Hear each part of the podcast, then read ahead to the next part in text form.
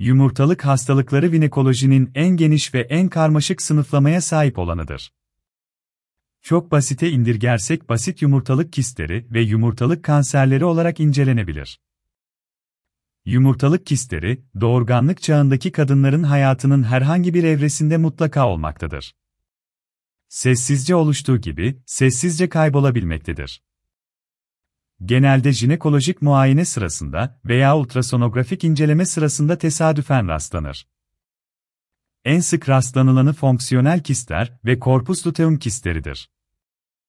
Folikül kistleri, yumurtayı büyüten olgunlaşmış graf folikülünün çatlamaması ve içindeki sıvının artmaya devam etmesi sonucu kistik bir şekil almasıyla meydana gelir. Foliküller içinde devamlı bir sıvı imalatı vardır.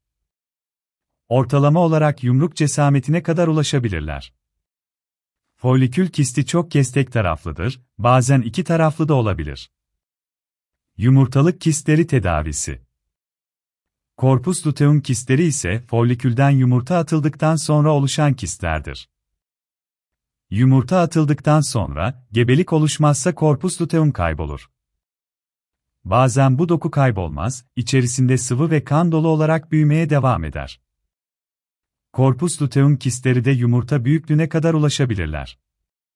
Kistler kasıkta tek taraflı veya çift taraflı ağrı. Büyük kistlerde karın alt bölgesi ve pelviste dolgunluk, basınç hissi. İlişki sırasında basınç ve ağrı hissi. Mesaneye baskı varsa sık idrara çıkma, devamlı idrar varmış hissi. Bağırsağa baskı varsa kabızlık.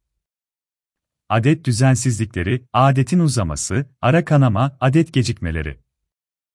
Sancılı adet görme şeklinde şikayetlere neden olur.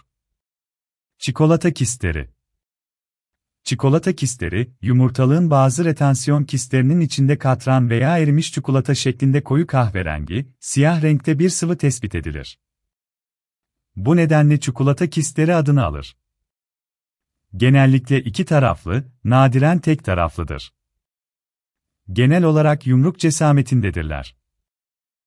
Duvarı ince olduğu için yırtılıp, içeri çevreye dökülerek yabancı cisim etkisi yaparak yapışıklıklara neden olur.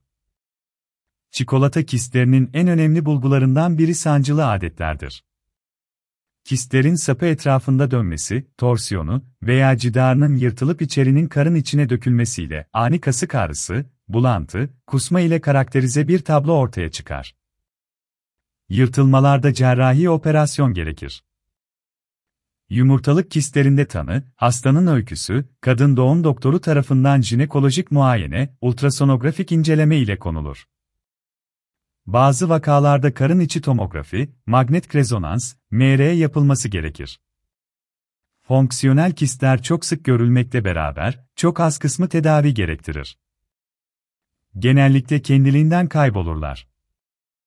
Bazı kistlerde doğum kontrol hapı kullanılarak takip ve tedavi edilirler. 5 simiden büyük, kendiliğinden veya tıbbi tedavi ile kaybolmayan kistlerin cerrahi olarak alınması gerekebilir. Kistler çıkartılırken yumurtalık dokusu ve tüp mümkün olduğunca korunmalıdır. Fakat aynı taraf yumurtalık ve tüp zarar görmüşse bile karşı taraf yumurtalık, tüp sağlıklı ise doğurganlık ve adet görmek için yeterlidir. Son yıllarda açık cerrahi yerine, laparoskopik cerrahi denilen, karın açılmadan, birkaç noktada 1 santimetre kadar açıklıklardan girilerek yapılan kapalı cerrahiler tercih edilmektedir. Bu yöntemle hastanede yatış süresi kısalmakta ve hastanın normal hayatına dönüşü hızlanmaktadır. Yumurtalık kanserleri, jinekolojik kanserlerin %27'sini oluşturur. Yumurtalık kanseri sinsi ve sessiz gelişirler. Tanı konulduğunda olguların %70'i ileri evrededir. Düzenli jinekolojik kontrol yaptıran 50 yaş üstü kadınlarda erken evrede yakalanma şansı artar. Over kanserlerinde cerrahi ve kemoterapideki ilerlemelere rağmen tedavide istenilen düzeye ulaşılamamıştır. Genellikle 50 yaş üstü kadınlarda görülür. En sık görüldüğü yaş 60-64 arasıdır. Ülkeler arasında görülme sıklığı açısından homojen bir dağılım yoktur. Kuzey Avrupa ve Amerika'da daha sık görülmektedir. Yumurtalık kanserlerinin gerçek nedeni belli değildir. Over kanseri riskini artıran faktörler. Yaş. Çocuk doğurmamış olmak. Genetik faktörler. Yumurtalık kanseri riskini azaltan faktörler. Bir veya daha fazla sayıda doğum yapmış olmak. Kombine tip doğum kontrol haplarının kullanılmış olması. Emzirme. Yumurtalıkta görülen kanserler vücudun çeşitli yerlerine örneğin meme, bağırsak, rahime yayılım gösterebileceği gibi, diğer organlardan menşe alan kanser vakaları da yumurtalıklara yayılabilir. Over kanseri belirtileri İlk dönemde belirti vermemektedir. İlerlemiş vakalarda Karın alt bölgesi, kasıkta ağrı genel halsizlik, kilo kaybı. Karın ve ayakta şişme. Bağırsak ve mesane düzeninde değişmeler. Tanı, jinekolojik muayene ve tıbbi öykü önemlidir.